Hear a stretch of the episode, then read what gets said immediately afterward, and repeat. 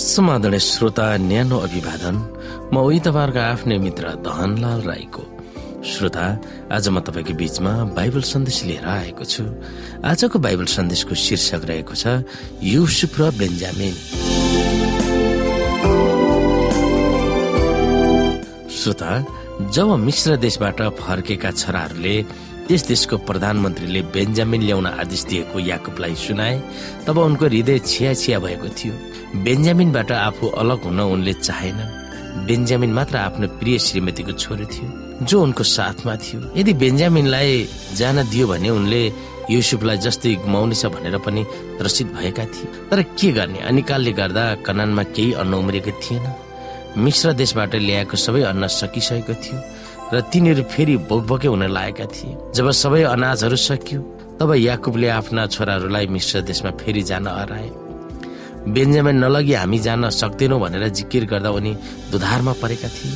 तर जब यौदाले उनको जीवनको सुरक्षाको निम्ति आफू जमानत बसे र बेन्जामिनलाई फर्काउन कबुल गरे तब मात्र याकुबले तिनीहरूलाई मिश्र देशमा दोस्रो पटक जान दिए।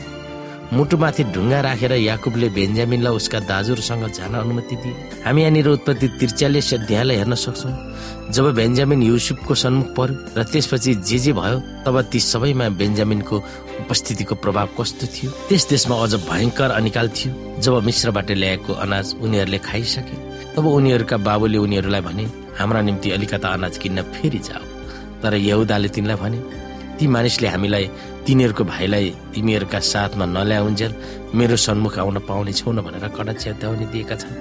तपाईँले भाइलाई हाम्रो साथमा पठाउनुहुन्छ भने मात्र हामी गएर तपाईँको निम्ति अनाज किनेर ल्याउनेछौँ तर त्यसलाई पठाउनुहुन्न भने त हामी जाने छैनौँ किनभने ती मानिसले हामीलाई भनेका छन् कि तिमीहरूको भाइ तिमीहरूसित नहुन्जेल तिमीहरू मेरा सन्मुख आउन पाउने छैनौ। इसरायलले भने तिमीहरूको अर्को भाइ छ भने ती मानिसलाई बताएर तिमीहरूले ममाथि किन यस्तो दुःख ल्याऊ? उनीहरूले जवाफ दिए ती मानिसले यसो भनेर हामी र हाम्रा कुटुम्बका विषयमा केरकार गरी सोधपुछ गरे के तिमीहरूका बाबु अझै जीवितै छन्? के तिमीहरूको अरू भाइ पनि छ हामीले त यिनै प्रश्नका जवाफ मात्र तिमीलाई दिए तिमीले हामीलाई तिनी तिमीहरूको भाइलाई यहाँ ल्याऊ भन्लान् भनी हामीले कसरी जान्नु? तब यहुदाले आफ्नो बाबु इजरायललाई भने यस केटालाई मेरो साथमा पठाइदिनुहोस् र हामी गइहाल्नेछौँ। कि हामी र तपाईँहरू हाम्रा बालबच्चाहरू समेत नमरौँ तर जीवितै रहौँ। यसको जमानी म भए। मेरै हातबाट फेरि तपाईँले यसलाई लिनुहोला। यदि मैले यसलाई फर्काएर ल्याइन भने र तपाईँको सामु राखिन भने म सदाको निम्ति दोषी ठहरिनेछु हामीले ढिलो नगरेको भए हामी दुईपल्टसम्म ओहोरदोहोर गर्न सक्ने थियौँ। तब उनीहरूका बाबु इजरायलले उनीहरूलाई भने यदि यसो हुनैपर्छ भने यसो गर। यस देशका बलिया बलिया उब्जनीहरू अलिक सुगन्धित लेप अलिकता मह सुगन्धित मसला मुर पेस्ता र हाडे बदाम ती मानिसको निम्ति सौगातको रूपमा तिमीहरूका धोक्रामा लगिदियो तिमीहरूसँग दोबर चाँदी पनि लैजाऊ। किनभने जुन चाँदी तिमीहरूका धोक्राको मुखमा थियो त्यो फिर्ता गर्नुपर्छ। सायद त्यो भुलले भएको होला। आफ्नो भाइलाई पनि साथमा लिएर ती मानिस कहाँ फेरि जाऊ तिमीहरूको अर्को भाइ र बेन्जामिनलाई छुटकारा दिन ती मानिसको सामान्य सर्वशक्तिमान परमेश्वरले तिमीहरूमाथि कृपा गरौँ। म निवर्ष हुनै पर्छ भन्ने होस्। तब ती मानिसहरू सौगात दोबर चाँदी र बेन्जामिनलाई पनि आफ्नो साथमा लिई मिश्रतिर गए र योसेफको सामान्य हाजिर भए। तब योसेफले उनीहरूका साथमा बेन्जामिनलाई देखे तब तिनले आफ्नो घरको भण्डारेलाई भने यी मानिसहरूलाई मेरो घरमा लैजाऊ र एउटा पशु मारेर भोज तयार गर। किनभने यी मानिसहरू आज दिउँसो मसँगै खानेछन्। योसेफले हुकुम गरे बमोजिम त्यस मानिसले गर्यो र ती मानिसहरूलाई योसेफको घरमा ल्याए तर योसेफको घरमा ल्याएको हुनाले योसेफका दाजुभाइहरूले डराएर आपसमा भने पहिलेपल्ट हाम्रा धोक्राहरूमा फर्काइदिएको चाँदीको कारण हामीलाई यहाँ ल्याएको हुनुपर्छ। जब तिनले हाम्रा विरुद्धमा न्यु पाएर हामीलाई कमरा तुल्याउँछन् र हाम्रा गधाहरू जफत गरेर लिन्छन् होला। यसै कारण योसेफका घरको हर्ताकर्ता कहाँ गएर घरको ढोकेमा त्यसलाई उनीहरूले भने हजुर पहिलोपल्ट हामी अनाज किन्न आएका थियौँ।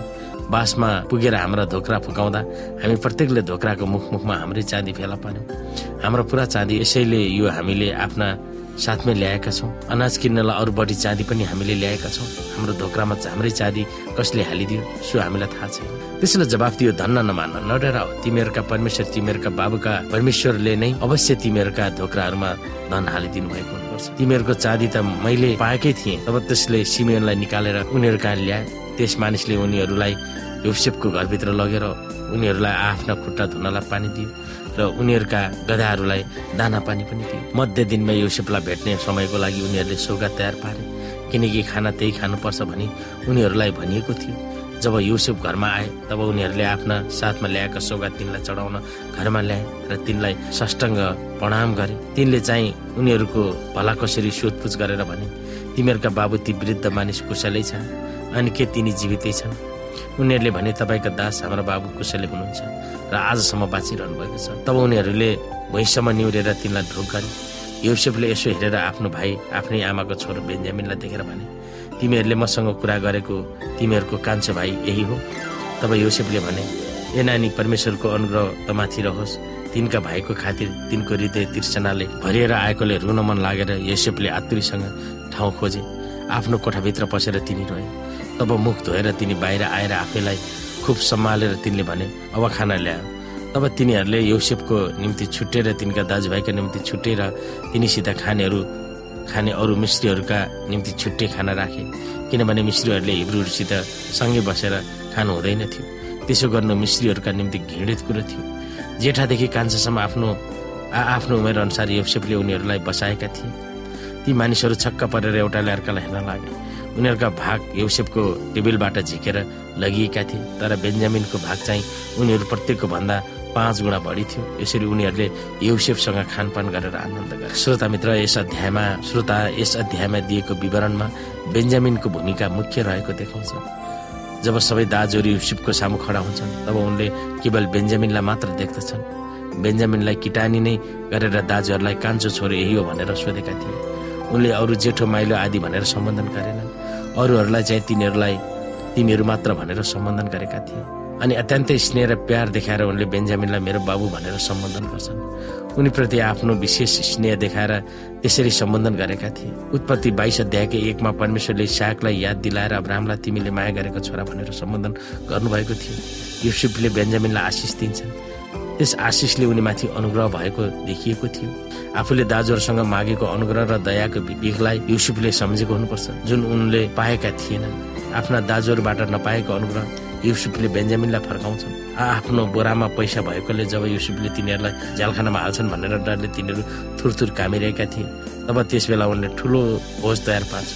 उनको अगाडि बेन्जामिन भएकोले उनी खुसी मनाउन चाहेका थिए। अन्तिम श्रोता युसुफले जे जे नाटक खेले त्यस परिस्थितिमा बेन्जामिनले उद्धारीय भूमिका खेलिरहेको थियो। श्रोता यस अध्यायको बाँकी अंश अर्को परिस्थितिमा हस्त नमस्ते जय मसिंह।